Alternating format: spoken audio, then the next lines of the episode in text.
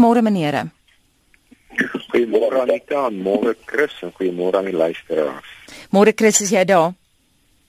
Ja, Anita, môre luisteraars, ja, presies. Voor ons begin, kom ons praat oor die moontlike inhoud van minister Gordon se beleidstoespraak. Ons gaan later dit deurtrap, maar mens moet sekerlik hier die groter konteks raak sien, die spanning tussen hom en meneer Zuma, die universiteitskrisis, 'n moontlike afgradering waarvan Dianke nou net gepraat het. Kom ons begin by jou, Chris. Anita ja, uh, ons moet ook net besef dat hierdie is net 'n mediumtermyn begroting. En baie van die verwagtinge wat nou geskep word, word so eintlik eintlik tussen die begroting en op uh, in Februarie aangespreek word, maar die minister hoe ek gaan duidelik reeds op 'n aanduiding gee in die rigting waar jy gaan beweeg uh, rondom hierdie uh, kwessies van um, uh, onsekerheid wat die internasionale uh, krediteringsagentskappe het um, en in hoe mate ons natuurlik dan 'n uh, afgradering kan vermy. Uh, belangrik hier is, is dat hy sal op hierdie stadium net vir ons sê waar ons op pad met die militêre omgeskiet hierdie hierdie uh begrotings se dissipline wat ons het uh, wat hy aangekondig het in Februarie en hoe mate waar staan ons die skuldposisie en waar staan ons in opsigte van die tekortposisie en wat verwag hy hoe gaan die ekonomiese groei hierdie jaar wees. Ek dink dit is baie sterk aangespreek word want dit waarna die internasionale agentskappe gaan kyk. Chris, jou lyn is baie swak. Het nie dalk 'n landlyn waar ons jou later kan bel nie, ja of nee? Uh, miskien moet ek net net beweeg dat jy uh, Daar's hy. Dis beter so. Kom ons gaan na jou toe Jannie. Ons het nou nou gepraat van die konteks van hierdie uh, toespraak. Konteks van hierdie toespraak is 'n baie eenvoudige een. Suid-Afrika het baie baie ekonomiese groei en te midde van lae ekonomiese groei is daar nie ruimte vir die minister om meer besteding oor die volgende 3 jaar aan te kondig as daarmee saam die belastingverhogings aangekondig word nie. Nou uh tereg word belastingverhogings nie in die NTB is aangekondig nie, maar in die hoofbegroting in Februarie maar uit die NTB sal ons aanduidings kan kry van hoeveel belastingverhogings ons in Februarie kan verwag minister het reeds in Februarie hierdie jaar aangekondig dat belastings met ten minste 15 miljard rand in volgende jaar Februarie se begroting volgens word en soortgelyk in Februarie 2018. So soos wat ek dit nou verstaan is die begrotingsrede in Oktober is maar grootendeels 'n terugvoer sessie. Een ekonom het vir my gister gesê dis soort van meer filosofies van aard. Chris. Anita ja, dit is korrek die weet die, die minister gaan moet sê waar trek ons op die oomblik. Jy weet dit is soos 'n gewone huishouding wat 'n begroting het. En op stadium in die middel van die jaar dan kyk hy maar net waar staan sy syfers, is hy nog op pad? Ek het net vanaand gaan kyk, ons het tot einde Augustus was ons inkomste 36.6% van die begrote inkomste. Die uitgawes was 41.2%.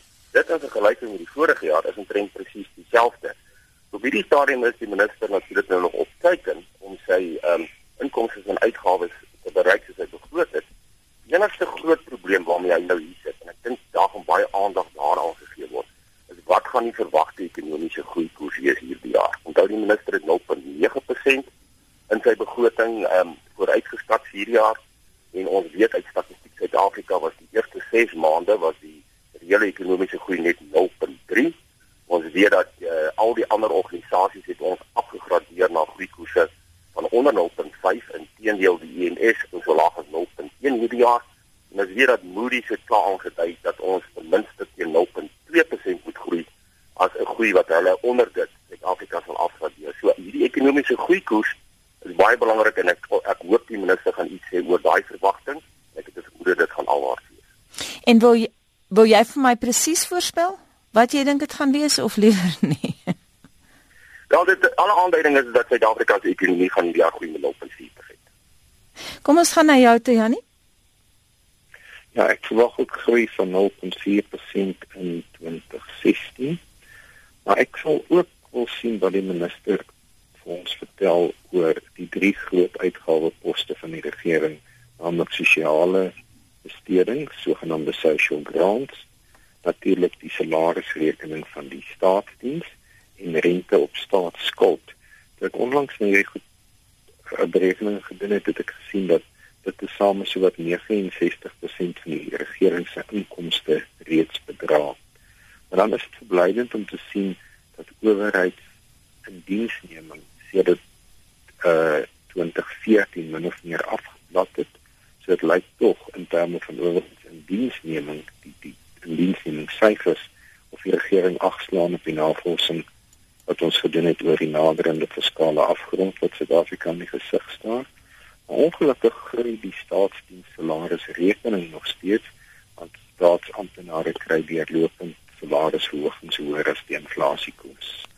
Chris, gaan die minister iets sê oor staatsondernemings? Anita, ja, ek dink hy gaan. Ek dink hy gaan uh, sê jy weet die gekonsolideerde skuld van die staatsondernemings, saam met natuurlik die gekonsolideerde skuld van die regering. Die twee binne mekaar tel is ons hier die 60%. Uh en as jy die mikpunt is om dit af te bring in 'n omgewing van 50% en selfs laer, dan gaan definitief verwys hoe waar staan ons in die staatsskuld. Ek gaan nou definitief uh, natuurlik verwys in in hoe mate die dissipline van die begroting vorentoe in die volgende 6 maande daarna gaan uitsien. En ek dink tog ons gaan kry dat hy uh, een of een of ander iets gaan sê definitief oor uh, wat hy in die volgende begroting rondom miskien dan belastings gaan na kyk. Ek weet dis ook 'n groot verwagting waarna gaan gekyk word in die volgende begroting en ook natuurlik dan in terme van die staatsondernemings en hoe mate daar verdere lenings aan hulle toegestaan sal word in die in die in die, nuwe begroting en ook hoe dit lyk op die stadium. Janie tydens laas jaar se toespraak het studente buite die parlement betoog as deel van die Fees Must Fall beweging en kort na die toespraak is daar gehoor gegee aan die studente se eise van 'n 0% verhoging in studiegelde. Ons het gepraat vroeër in die inleiding van die konteks waarbinne die minister hierdie toespraak gaan lewer. Wat dink jy gaan hierdie jaar gebeur? Gaan hy iets sê oor Fees Must Fall? Minister sal iets moet sê oor Fees Must Fall want dit is natuurlik iets wat oor die volgende 3 jaar wat die uh, mediumtermynbegroting dek baie belangrik gaan wees. So ons hoop om 'n aanduiding te kry en wat mate die regering groter subsidies aan universiteite kan gee want dit sal 'n aanduiding gee van in watter mate uh, aan die studente se eis vir geen klasgelde nie gehoor gegee kan word. Ek wil net een opmerking maak oor staatsondernemings. Daar's omtrent 6 of 7 bekende staatsondernemings, maar daar's natuurlik 7 707 staatsondernemings in totaal. En my mening is dit nodig vir die regering om te kyk of dit nog almal nodig het wat er saamgesmelt kan word en wat er eenvoudig verkoop kan word. En dan natuurlik my gunsteling die Suid-Afrikaanse lugdiens wat na my mening eenvoudig net weggegee moet word. Dit sal goedkoop vir belastingbetalers wees om nie die Suid-Afrikaanse lugdiens te befonds nie al word dit net gewoon weggegee en daar word geen geld daarvoor ontvang Chris, is jy dit eens met Jannie? uh, Anita ja. Ons moet net onthou die minister het ook reeds in sy begroting aan die begin van die jaar baie sterk name gegee in die subsidies vir universiteite en ook aan wat hy gaan spandeer vir die nasionale studente finansiële uh, skema. Hulle gaan 41.2 miljard rand in die volgende 3 jaar aan spandeer uh, dit is reeds verhoog vanaf 9 miljard in die vorige jaar tot 14.3 miljard in die jaar wat gaan kom die vraag is net um, gaan hy 'n aanleiding gee dat hy dit verder gaan verhoog sodat hy tot 'n groot mate, kom ons sê dit maar vir verdienstelike en arm studente kan gratis onderrig gee. Uh, ek is nie so seker of van of hy nou al syfers gaan gee nie, maar ek het 'n vermoede hy gaan tog iets sê oor wat hy in die volgende begroting gaan Baie dankie en so sê ekonom van Rebalance Fonds bestuurders Dr Chris Harmse en ons het ook ver oggend gepraat met professor Janie Resou van Wits. Onthou monitor sal môre oggend regstreeks vanaf die parlementêre ateljee in Kaapstad uitsaai met die verwagtinge van oppositiepolitiese partye en môre middag is ons weer regstreeks op ons pos om die beleidsbegrotingstoespraak te ontleed en dan die dag daarna die oggend daarna vir 15 minute of 20 minute sal ons weer praat oor wat die minister in sy beleidstoespraak gesê het.